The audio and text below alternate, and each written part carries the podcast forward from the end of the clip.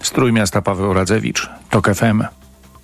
Platforma Obywatelska i Lewica idą wspólnie do wyborów samorządowych w Bydgoszczy. Politycy przedstawili jedną listę kandydatów do Rady Miasta, w której od wielu lat mają większość. Jak mówiła na inauguracji kampanii Monika Matowska, przewodnicząca Rady Miasta i, i polityczka Platformy, wspólna lista to kontynuacja dobrej współpracy. Nie jest to coś, co stworzyliśmy na rzecz wyborów samorządowych, ale jest to efekt wieloletniej współpracy prezydenta miasta, samorządu z mieszkankami, mieszkańcami i wieloma środowiskami. W opozycji do Platformy i Lewicy jest Komitet Bydgoska Prawica, który tworzą głównie politycy PiSu oraz Konfederacji. Kandydatem bydgoskiej prawicy na prezydenta miasta jest poseł PiS Łukasz Schreiber. Ciągle nie wiadomo, czy swojego kandydata do wyborów prezydenckich w Bydgoszczy wystawi trzecia droga. To są informacje TOK FM. W informacjach zagranica. Stany Zjednoczone zamierzają skonfiskować rosyjskie zamrożone aktywa o łącznej wartości 700 milionów dolarów. Konfiskata aktywów ma być jedną z sankcji związanych z agresją militarną Kremla na Ukrainę, informuje Departament Sprawiedliwości Stanów Zjednoczonych. Prokurator generalny USA Mary Garland powiedział, że Spra Departament Sprawiedliwości bardziej niż kiedykolwiek zaangażował się we współpracę z partnerami na Ukrainie w celu stawienia czoła rosyjskiej agresji. W Turcji wydano pierwszy wyrok przeciw osobie odpowiedzialnej za zawalenie się budynku podczas trzęsienia ziemi z lutego 2023 roku. Turecki sąd skazał generalnego wykonawcę budynku mieszkalnego w prowincji Sanliurfa na południu kraju na 18 lat więzienia. W wyniku zawalenia zginęły tam 34 osoby. W trzęsieniach ziemi, które nawiedziły przed rokiem południe Turcji i północ Syrii zginęło ponad 55 tysięcy osób. Iga Świątek coraz bliżej kolejnego prestiżowego tytułu. Liderka światowego rankingu jest już w półfinale turnieju w Dubaju, a razem z nią do najlepszej czwórki awansowały dużo niżej notowane zawodniczki. To oznacza, że Polka jest zdecydowaną faworytką do końcowego triumfu. Michał Waszkiewicz. Iga Świątek najpierw w Katarze, a teraz w trzech meczach w Dubaju nie straciła nawet seta, co jeszcze bardziej imponujące grała wyłącznie z mocnymi zawodniczkami. W Emiratach odprawiła już z kwitkiem Sloan Stevens, Elinę Svitolinę i Kim Wen-jen. W półfinale wszyscy spodziewali się ciężkiej przeprawy z trzecią rakietą świata Coco Goff, ale Amerykanka przegrała niespodziewanie z kwalifikantką z Rosji Anną Kalińską. I to ona będzie dziś rywalką Świątek. Grałam z nią raz w deblu, ale to było dawno temu. Rzeczywiście w singlu nie miałyśmy okazji się e, zmierzyć. No jestem podekscytowana. Mam nadzieję, że uda mi się odpowiednio zregenerować przed tym spotkaniem i czekam na nie. W drugim półfinale zagrają Włoszka Jasmine Paolini, z którą Świątek ma bilansy 2-0 oraz Rumunka Sorana Kirstean. Tu w bezpośrednich starciach jest 3-0 dla Polki. W zeszłym tygodniu w Dałsze wygrała z nią dwa razy do jednego. Michał Waszkiewicz, TOK FM. Kolejne informacje o 12.20. Teraz prognoza pogody. Pogoda. Piątek do wieczora będzie pochmurny. Niewielkie przejaśnienia możliwe są na północy i zachodzie kraju. Na pozostałym obszarze, czyli w centrum, na wschodzie i południu, będzie padać deszcz. Na termometrach 8 stopni na Podlasiu i Górnym Śląsku, 9 na Mazowszu i w Małopolsce, 10 na Podkarpaciu, Dolnym Śląsku i na Kujawach. Radio TOK FM. Pierwsze radio informacyjne. Popołudnie Radia TOK FM. Popołudnie Radia TOK FM wita się z Państwem Anna Piekutowska. Dzień dobry, jest 12.06 i witam moją pierwszą gościnę, a jest nią Daria Gosek-Popiołek z partii Razem, Koalicyjnego Klubu Parlamentarnego Lewicy i wiceprzewodnicząca Komisji Kultury i Środków Przekazu. Dzień dobry. Dzień dobry. Na start komentarz do wizyty Ursuli von der Leyen. W Polsce właśnie trwa wspólna konferencja pani przewodniczącej i premiera Tuska. No i e, czekamy na te dobre informacje, czyli wstępną decyzję, czy może zapowiedź decyzji w sprawie uwolnienia Krajowego Planu Odbudowy, czyli tych 60 miliardów euro dotacji i pożyczek dotychczas zablokowanych ze względu na obawy związane z przestrzeganiem e, praworządności w Polsce. Widzę, że pani e, szefowa von der Leyen Leyen mówi, że w przyszłym tygodniu będą decyzje w sprawie funduszy europejskich, uwolnią do 137 miliardów euro dla Polski. No i oczywiście jeszcze sama słowa Ursuli von der Leyen to jest za mało. Jeszcze komisja oczywiście musi to przypieczętować, a potem kraje unijne muszą to wszystko zatwierdzić, ale dziś tak e, już symbolicznie może e, kończyć się ten czas blokady. No to jest ważny dzień dla Polski i mm, duży, ważny, mniej lub bardziej symboliczny symboliczny sukces polskiego rządu. Zdecydowanie to, że te środki zostaną uruchomione e, jest bardzo ważne. E, teraz tak naprawdę przed nami wielki wysiłek żeby w jak najszybszy sposób i jak najbardziej sensownie zrealizować inwestycje czy działania, e, które tych środków wymagają. Przed gminami, samorządami duże zadanie, ponieważ one będą o te środki występować, będą je też musiały rozliczyć, a wiemy, że tego czasu jest naprawdę mało. E, Pytanie, czy w związku z tym opóźnieniem uda się na przykład polskiemu rządowi bądź wynegocjować przesunięcie tego ostatecznego terminu, czy być może możliwe będzie na przykład e, z tych środków pokrycie tych inwestycji, które wpisują się e, czy to w poszczególne kamienie milowe, czy inne programy, które z KPO miały być realizowane, a już na przykład zostały te inwestycje ukończone. E, Mam też nadzieję, że rząd y, będzie rozmawiał też z Komisją Europejską e, w kontekście zmian niektórych zapisów e, z KPO. Na przykład e, bardzo dobrze, że finansowany jest e, transport, ale przydałoby się na przykład, żeby te środki szły też na budowę infrastruktury e, kolejowej czy na przykład tramwajowej w miastach. To są duże zadania. e, Gminy sobie same z tym nie poradzą. E, No więc jakby ja czekam na ostateczne wyniki rozmów e, i informacje o tym, jak w praktyce te środki będą wydawane. E, Przyglądamy się tej konferencji, będziemy do niej jeszcze wracać na antenie Radia Tok FM, E, a ja panią chciałam zapytać o wczorajsze głosowanie nad pigułką dzień po. E, Sejm przyjął tę ustawę, która uwalnia dostęp do pigułki dzień po bez recepty dla osób powyżej 15 roku życia, pomimo tego, że kilka osób z koalicji rządowej, a konkretnie z trzeciej drogi, a konkretnie z PSL-u, zagłosowało przeciwko niej. E, No i wczoraj prezydent Andrzej Duda został zapytany, co zrobi z tą ustawą, kiedy ona trafi wreszcie na jego biurko. No i mówił, że taka pigułka to jest bomba hormonalna i że pigułka i tak jest dostępna i wynika z jego słów jasno, że tej ustawy nie podpisze. Musimy uporządkować kilka spraw. E, Po pierwsze, z tego co wiem, Andrzej Duda nie jest e, doktorem nauk medycznych. E, Natomiast jeżeli chodzi o ten rodzaj antykoncepcji awaryjnej, jest on dopuszczony na polski rynek, przeszedł wszelkie niezbędne badania. Więc tutaj ta opowieść o jakiejś bombie hormonalnej, no ja rozumiem, że to ma na celu jakieś retoryczne zniechęcenie bądź wystraszenie ludzi albo Tak, tak, to jest to opowiadanie o tym, że tak. dziewczynki nie mogą iść na solarium albo napić się energetyka, a mogą łykać tabletki. Jakby całą tą rozmowę znamy i też ją rozbieraliśmy nie, nieraz retorycznie na, e, na antenie Radia Tok FM, więc raczej pytam panią o te polityczne motywacje, które za tym stoją. E, nie wiem, znaczy, ja nie wiem, czy one są polityczne. Chyba nam zniknęła pani posłanka. Zaraz spróbujemy się... Już jestem, O, już jest. jestem, przepraszam. E, one wynikają z tego głęb- głębokiego konserwatyzmu, ale też pewnej hipokryzji, e, która niektórych polityków, zwłaszcza polityków prawicy, cechuje. To znaczy, e, antykoncepcja jest niezbędna, jest potrzebna po to, żeby na przykład nie było niechcianych ciąż, żeby nie było nastoletnich ciąż.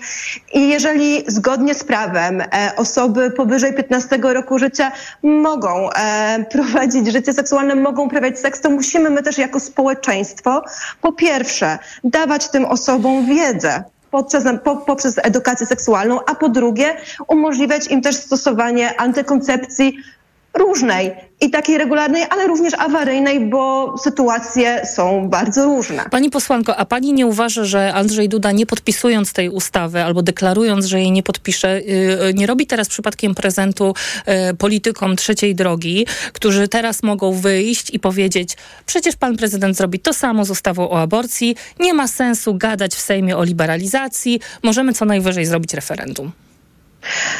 Politycy trzeciej drogi, politycy PSL-u będą mówić to niezależnie od tego, co powie, czy zrobi, czy zapowie Andrzej Duda. Robią to już od dłuższego czasu, e, tak naprawdę ignorując głos społeczeństwa, ignorując głos kobiet, ignorując to, że są w tym rządzie właśnie dlatego, że kobiety poszły na wybory i że jasno e, pokazały swoje priorytety. Więc uważam, że decyzja e, tutaj pana prezydenta nie ma najmniejszego wpływu ani na retorykę, ani na podejście konserwatywnych e, polityków, którzy trochę chyba w czasie kampanii ukrywali to, że są konserwatystami, dla których to właśnie kompromis aborcyjny jest punktem dojścia, a nie liberalizacja ustawy aborcyjnej. Trwa taki ping-pong między trzecią drogą, która właśnie chce referendum, a przede wszystkim chce zająć się tematem aborcji dopiero po wyborach, a lewicą, tą częścią rządową, która chce rozpatrywanie ustaw tu i teraz. Co ciekawe, ta wymiana toczy się między Szymonem Hołownią a Włodzimierzem Czerzastym, czyli dwóch mężczyzn o aborcji. Nowe nie znałam. E, pan Czerzasty zresztą u nas e, wczoraj powiedział, że w ogóle nie wierzy, że w tej kadencji coś się zmieni w tym temacie. A ja mam wrażenie, że aborcja znowu stała się polityczną zakładniczką i ten temat jest wykorzystywany instrumentalnie, żeby przed wyborami pokazywać swoją odrębność i po stronie trzeciej drogi i po stronie lewicy, która no, za nic nie jest w stanie spełnić swojej obietnicy wyborczej, czyli tej legalizacji prawa aborcyjnego i ten aborcyjny właśnie imposybilizm rządowy to był jeden z tematów, przez które partia Razem też nie weszła do rządów, tak przynajmniej mówiliście. To jak teraz patrzycie na te utarczki w, w łonie koalicji rządzącej? E, Pani redaktor, to jest również, e, jest również kolejna strona tego, tego sporu. To jest koalicja obywatelska, bo tak samo jak lewica, która mówiła o liberalizacji ustawy e, aborcyjnej, tak samo o tym e, mówiła koalicja obywatelska. Więc to jest również jakiś rodzaj imposybilizmu Donalda Tuska, no, który być może również wygodnie chowa się w tym sporze, licząc, że to właśnie e, gdzieś medialnie rozłoży się pomiędzy te dwie strony sporu. E, a ofiarami tego, konsekwencje tego ponoszą kobiety. I one są zakładniczkami, ale nie lewicy, która toczy spór, tylko konserwatywnych polityków, dla których to był wygodny temat w kampanii prawa kobiet, mogli o tym mówić, ale kiedy przychodzi co do czego, to okazuje się, że jest problem.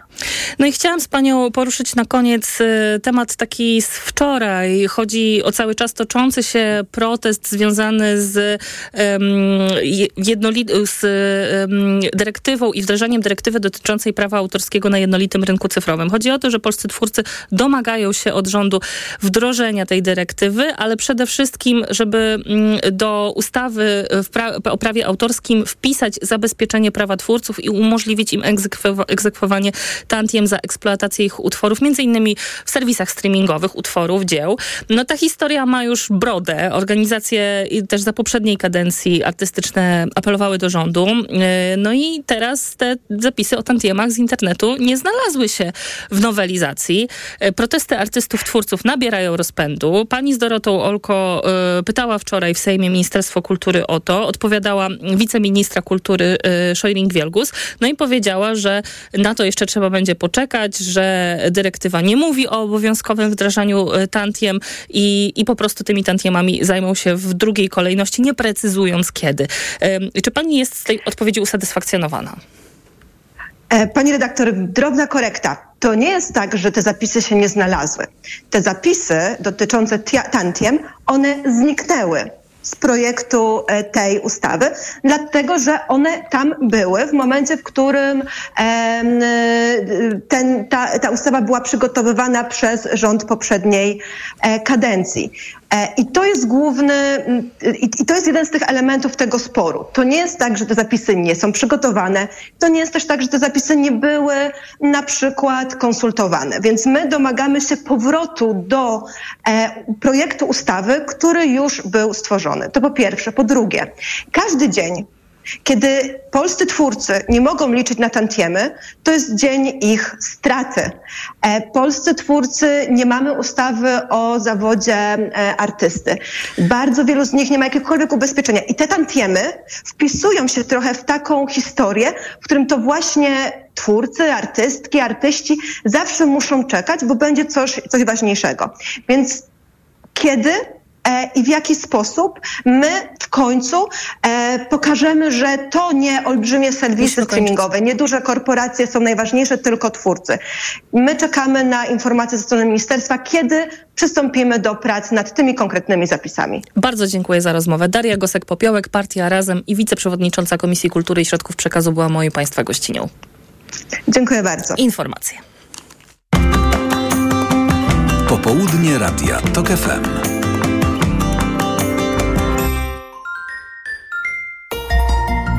Światowych rynków. O Twój portfel. Raport gospodarczy. Mówimy o pieniądzach. Twoich pieniądzach. Słuchaj od wtorku do piątku po 14.40.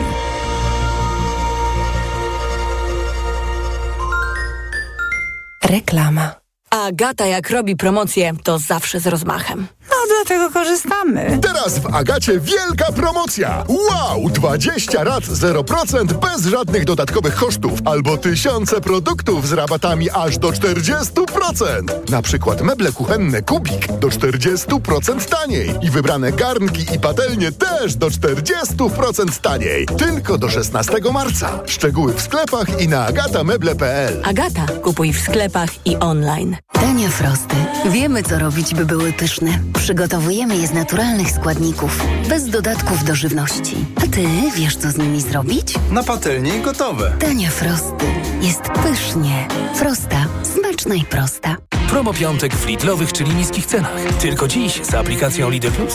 Wszystkie wędliny, parówki i kiełbasy marki Pikok teraz aż 30% taniej. Tak, aż 30% taniej. Szczegóły w aplikacji Lidl Plus. Dlatego w piątki zakupy robię w Lidlu.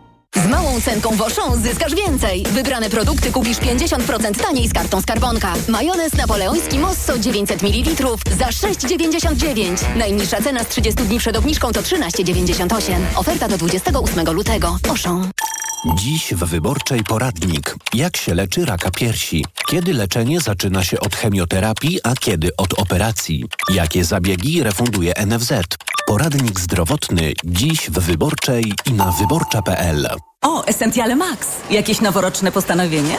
Tak, postanowiłem regenerować swoją wątrobę z Essentiale Max. To najwyższa dawka fosfolipidów, aż 600 mg w jednej kapsułce. I to lek, nie suplement. Brawo! To będzie na maksa spełnione postanowienie. Lek Essentiale Max. Najwyższa dawka fosfolipidów w jednej kapsułce. Działa dla szybszej regeneracji wątroby. Essentiale Max. Kapsułki twarde 600 mg fosfolipidów z nasion sojowych. Wskazania. Roślinny lek stosowany w chorobach wątroby. Zmniejsza dolegliwości jak brak apetytu, uczucie ucisku w prawym nadbrzuszu spowodowane uszkodzeniem wątroby w wyniku nieprawidłowej diety, działanie substancji toksycznych lub zapalenia wątroby. Opella Healthcare Poland Grupa. To jest lek. Dla bezpieczeństwa stosuj go zgodnie z ulotką dołączoną do opakowania. Nie przekraczaj maksymalnej dawki leku. W przypadku wątpliwości skonsultuj się z lekarzem lub farmaceutą.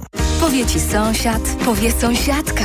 Jak ogłoszenie, to tylko nagradka. Nagradka.pl znajdziesz mieszkania, domy i auta.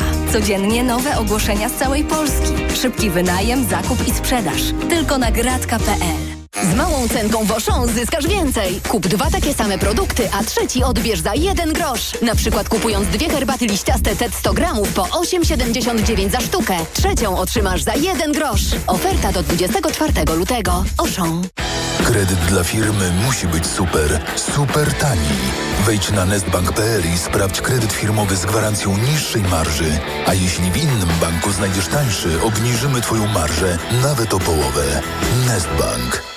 Kierowco, jedź prosto do celu z nawigacją Garmin Drive Smart, która dostosuje trasę do sytuacji w czasie rzeczywistym. Poinformuje o korkach, punktach kontroli i fotoradarach. Wizualizacja budynków w 3D ułatwi orientację w terenie. Prowadź bezpiecznie z wygodną funkcją sterowania głosowego i siedmiocalowym bezramkowym wyświetlaczem. Kup w Media Expert nawigację Garmin Drive Smart 65 w super cenie za 550 zł. Szerokości. Od wielkiej pasji. Ja w dzieciństwie cały czas myślałem o tej piłce. Do wielkiego człowieka. Zawsze stawałem za drużyną. Nieznana dotąd historia Kuby Błaszczykowskiego. Oglądaj nowy film Kuba na Prime Video. W stresie czujesz, jakbyś nie była sobą? Suplement diety Waluset Control zawiera wyciągi z czterech ziół. Waleriana, passiflora i chmiel sprzyjają odprężeniu, a ashwagandha pomaga radzić sobie ze stresem. Waluset Control. I stres znów masz pod kontrolą. Reklama. Radio TOK FM. Pierwsze radio informacyjne. Informacje TOK FM. 12.22. Konrad Sabal. W przyszłym tygodniu zapadną dwie decyzje w sprawie funduszy europejskich obecnie zablokowanych dla Polski. Uwolnią do 137 miliardów euro. Pochodzą z funduszu Next Generation i Funduszu Spójności. Zapowiedziała to przewodnicząca Komisji Europejskiej Ursula von der Leyen podczas trwającej w Warszawie konferencji z udziałem premierów Polski i Belgii. Ministerstwo Rodziny znalazło kandydatkę na nową prezes Zakładu Ubezpieczeń Społecznych. Pracami ZUS-u pokieruje wkrótce Dorota Bieniasz, która od miesiąca pełni obowiązki prezesa tej instytucji. Wcześniej przez lata pracowała w ścisłym kierownictwie ZUS-u. Doświadczenie i profesjonalizm. Tak o kandydatce na nową prezeskę ZUS-u mówiła w TOK FM szefowa resortu rodziny Agnieszka Dziemianowicz-Bąk z Lewicy. Przez ostatnie tygodnie obserwowałam, jak pani Dorota Bieniasz zarządza Zakładem Ubezpieczeń Społecznych, jak zakład pod jej kierownictwem sprawnie e, działa. Poprzednią prezeskę odwołano miesiąc temu. Przez ten czas eksperci apelowali do rządzących o jak najszybszą nominację dla następcy, bo ZUS to dziś potężna instytucja. W całym kraju zatrudnia około 40 tysięcy osób. To są informacje TOK FM. Jutro w centrum Warszawy policja może zamknąć kilka ulic. W sobotę w stolicy odbędzie się kilka zgromadzeń w związku z drugą rocznicą agresji Rosji na Ukrainę. Naprzeciwko ambasady rosyjskiej na ulicy Belwederskiej demonstranci będą protestować od 6 rano. Kolejne zgromadzenie pod ambasadą o 16.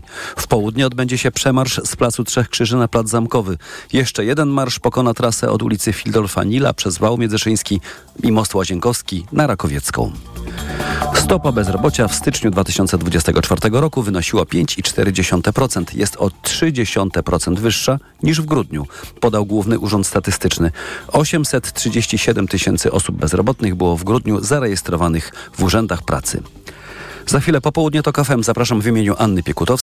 Kolejne informacje o 12.40. Teraz prognoza pogody. Pogoda.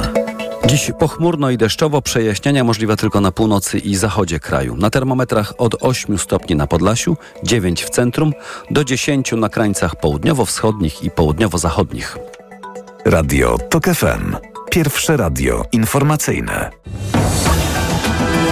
Ogłoszenie płatne.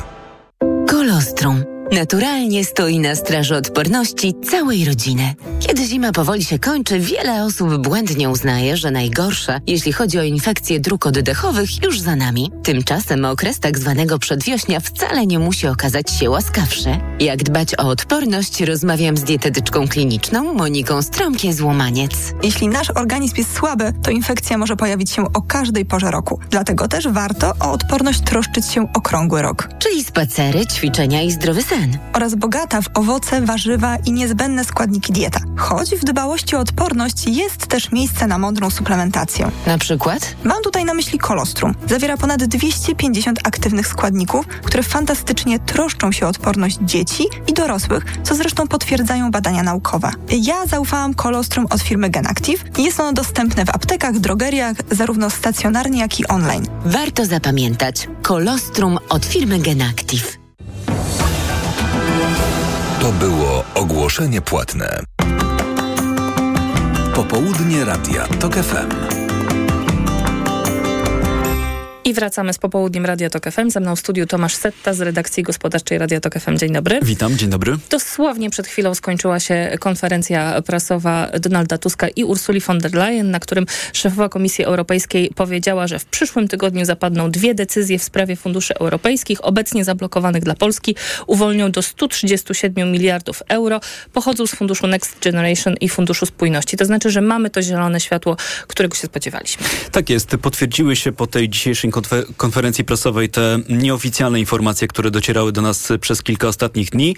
Przy czym warto podkreślić, że Ursula von der Leyen przylatując dzisiaj do Warszawy, tak obrazowo mówiąc, no nie przywiozła ze sobą tych miliardów euro w walizce. To jest tak, że daje rzeczywiście, tak jak powiedziałaś, zielone światło. Teraz kolejny ruch i taka procedura to jest ruch po stronie całej Komisji Europejskiej, która jak słyszeliśmy w przyszłym tygodniu zbierze się i zatwierdzi te decyzje. Fundusz Next Generation EU, czyli po prostu fundusz odbudowy, ten doskonale nam znany, skąd pochodzą pieniądze na Krajowy Plan Odbudowy i te powiedzmy tak zwane klasyczne unijne środki, czyli Fundusz Spójności. W sumie 137 miliardów euro. O, o, o takiej kwocie w całości jest mowa, przekładając to na polską walutę ponad 600 miliardów złotych. I kiedy realnie szacunkowo możemy spodziewać się tych pieniędzy? No właśnie przez to, że ta decyzja jest tak naprawdę tylko takim zielonym światem i wskazaniem, w którą stronę będziemy podążać, to rzeczywiście chwilę jeszcze upłynie, zanim rzeczywiście te pieniądze będą mogły się pojawić w Polsce. Taki najbardziej chyba realny scenariusz to jest y, kwiecień, zwłaszcza, że w przypadku Funduszu Odbudowy mówimy nie tylko o zatwierdzeniu tej decyzji przez całą Komisję Europejską, tylko jeszcze swoją zgodę muszą wyrazić poszczególne państwa członkowskie. Wobec z tego kwiecień, to, to zdaje się jest taki najbardziej realny scenariusz. A czas goni, dlatego że mamy tylko dwa lata na wykorzystanie tych funduszy. Tak jest i to jest kolejne wyzwanie, przed którym stoi nowy polski rząd. Pytanie, czy dzisiaj to był jeden z tematów dyskusji pomiędzy premierem Donaldem Tuskiem a szefową Ursulą von der Leyen, dlatego że Polska w takich komunikatach krajowych twierdzi, że nie zdążymy wydać tych wszystkich pieniędzy. Potrzebna jest renegocjacja Krajowego Planu Odbudowy, bo termin na wykorzystanie tych środków to sierpień 2026 roku. Wszyscy doskonale wiemy, że bardzo dużo czasu upłynęło, zanim dostaliśmy dzisiaj to zielone światło. Wielu inwestycji w tym czasie nie da się wykonać. No, pytanie, czy na takie negocjacje jest otwarta Bruksela i finalnie, czy będzie gotowa też na zgodę, żeby ten termin nam przedłużyć, tak żeby Polska była w stanie wykorzystać 100% pieniędzy, które nam przysługują. Pewnie dowiemy się tego wkrótce. Ja też zachęcam, żeby Państwo śledzili materiały, nie tylko Tomasza, ale też e, innych naszych e, e, dziennikarzy w serwisach informacyjnych. Będziemy też do tego tematu dzisiaj wracać na pewno na antenie, a ja tymczasem dziękuję. Tomasz Seta z redakcji gospodarczej Radio Tok FM był z nami. Dziękuję. Popołudnie Radia TOK FM. A ja witam już kolejnego gościa, którym jest dr Michał Piekarski z Instytutu Studiów Międzynarodowych i Bezpieczeństwa Uniwersytetu Wrocławskiego. Dzień dobry. Dzień dobry Pani, dzień dobry Państwu. Dwa lata e, po pełnoskalowej inwazji Rosji na Ukrainę chciałam z Panem porozmawiać o tym, jak Polska przygotowuje się na ewentualny atak. No, to ryzyko jest realistyczne, ale obecnie nadal bardzo niewielkie.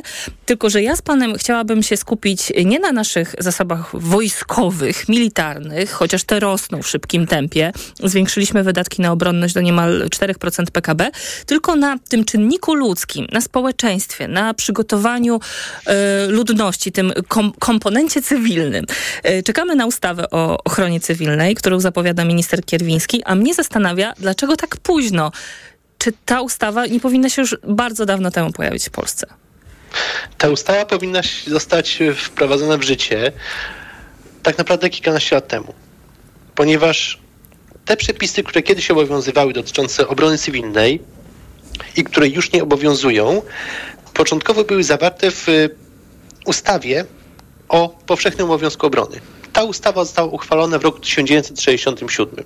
I jeżeli sobie spojrzymy na przykład na stare filmy dokumentalne czy edukacyjne pochodzące, pochodzące z czasów PRL-u, które pokazywały w zaowalowany sposób y, kwestii obrony cywilnej, to były przepisy, mechanizmy, rozwiązania szykowane na wypadek e, hipotetycznej III wojny światowej bloku wschodniego z zachodnim. Stąd też na przykład tak wielki nacisk był na choćby budowę schronów, ukryć i przygotowanie się na wojnę atomową.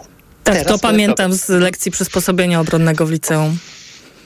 Ja też. I y, wtedy już patrzyliśmy na to w tak 97-8 roku. Moje pokolenie patrzyło trochę z takim uśmieszkiem, no, bomba atomowa, teraz. I okazało się, że nie mamy tak naprawdę nowoczesnego systemu przygotowania państwa i społeczeństwa na wypadek konfliktu zbrojnego. Bo zostawały albo te rozwiązania, które były rozwiązaniami przestarzałymi, albo te rozwiązania, które wprowadzano stopniowo, na przykład budując system zarządzania kryzysowego, ale na wypadek zdarzeń poziom mniejszych, czyli na przykład powodzie, duże pożary, katastrofy, tego typu zdarzenia, które wydawały się wówczas e, tymi głównymi zagrożeniami. Potem pojawiła się kwestia systemu antyterrorystycznego i przygotowania na ewentualny zamach. Natomiast te sprawy ściśle obrony zostały zaniedbane i teraz e, po tym, kiedy zaczęły się te wielkie zakupy zbrojeniowe około 2021 roku, kiedy zaczęto mówić 300-tysięczna armia, e, teraz pada, pada hasło 450-tysięcznej armii, kiedy zaczęły się wielkie zakupy czołgów, rakiet i innego sprzętu, e, pojawił się projekt ustawy o ochronie ludności, ale to był projekt tak fatalny, że on na szczęście został w szufladzie i mam szczerą nadzieję, że nigdy stamtąd nie wyjdzie. No, minister Kierwiński zapowiada, że gdzieś koło marca ma się pojawić e, nowa ustawa skupiona na obronie cywilnej. E, a ja chciałabym pana poprosić o takie wyjaśnienie, co to właściwie znaczy ta obrona cywilna, bo kiedy ja czytam na ten temat w mediach, to głównie skupiamy się na tym liczeniu schronów, których oczywiście mamy za mało i to ważne, ale no, czy to jest właśnie kluczowe, schrony, jeśli chodzi o obronę cywilną? To jest jeden z kilku filarów, ponieważ obrona cywilna to jest całokształt działalności państwa i społeczeństwa, który ma na celu zmniejszyć straty i umożliwić odbudowę w razie konfliktu zbrojnego. A więc to jest przygotowanie się na wypadek choćby ewakuacji. Przygotowanie się na wypadek innego rodzaju zagrożeń. Obecnie na przykład jednym z takich zagrożeń jest choćby dezinformacja czy działanie hybrydowe, więc Mhm. schrony są tutaj tylko jedną z tych, jedną z tych y, części, jedną z tych, jednym z tych filarów. Ale innym jest na przykład kwestia choćby świadomości społeczeństwa odnośnie zachowania się w sytuacjach kryzysowych, na przykład znajomość e, sygnałów alarmowych, czy w ogóle istnienie systemu ostrzegania ludności. Bo proszę zwrócić uwagę, teraz mam tak, w przeszłości były syreny, które od 20 lat są kojarzone ze świętami. Z rocznicą powstania.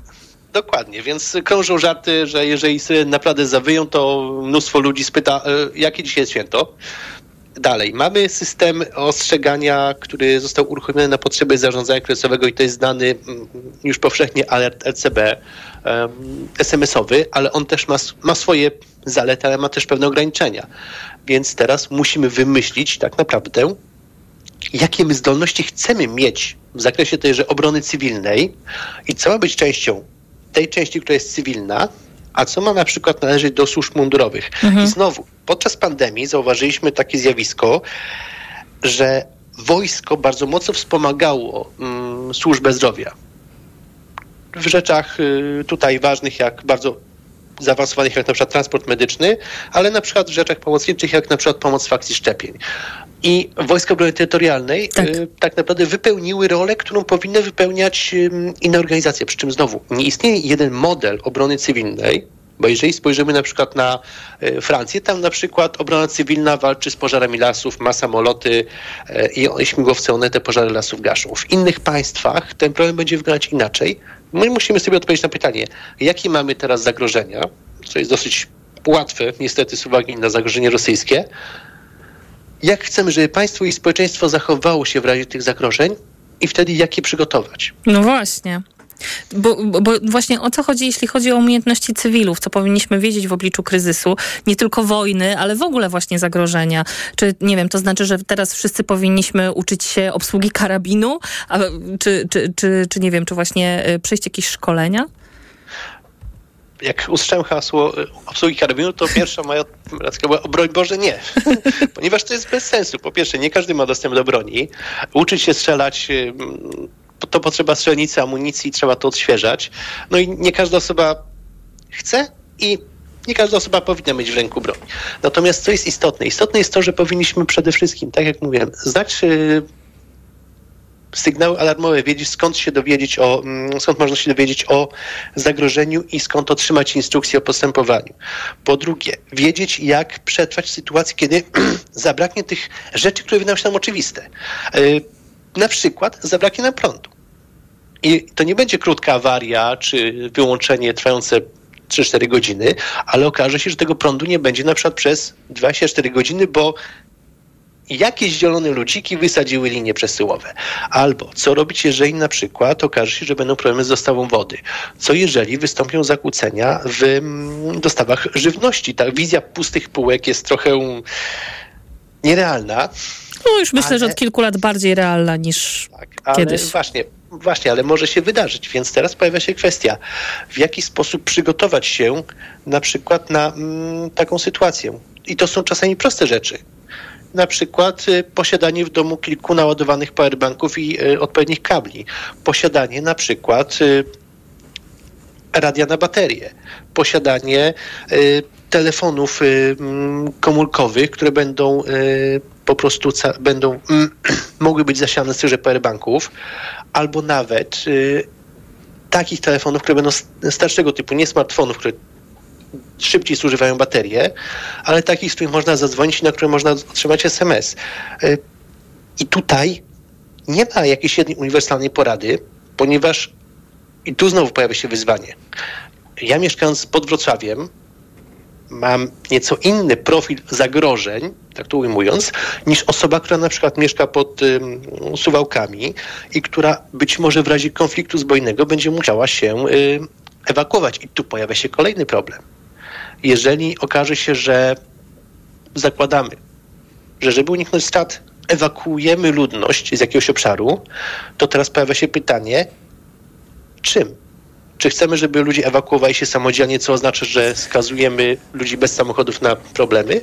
Czy może zapewnimy jakoś autobusy? Panie dyrektorze, bo pan jakby y, pokazuje takie obrazowe przykłady i to jest bardzo ważne, ale jakby musimy zmierzać też do końca, więc y, chciałam poprosić pana o mm, no właśnie, zarysowanie tego, kto powinien i w jaki sposób się tym zająć. Czy to wystarczy tylko edukacja w szkołach? Czy samorządy powinny przejąć y, odpowiedzialność za właśnie takie przygotowanie społeczeństwa na tego typu wyzwania? Wyzwania. Jak to powinno wyglądać? Tylko proszę krótko, bo musimy kończyć tutaj naj, najlepiej byłoby, gdyby powstał jakiś urząd centralny, tak mhm. tak jak teraz mamy Rządowe Centrum Bezpieczeństwa, tak. współpracujący z poszczególnymi interesariuszami, w tym właśnie zarówno z e, resortem edukacji, z samorządami, które jak pokazuje ją doświadczenie ukraińskie mają ogromną rolę do odegrania, z organizacjami pozarządowymi, z przemysłem, starając się wykorzystać jak najwięcej tych zasobów, które mamy i w organizacjach rządowych, pozarządowych, w gospodarce, żeby zapewnić tą y, odporność społeczeństwa. Kiedyś mieliśmy łatwiej, bo państwo było scentralizowane i wszystko było państwowe.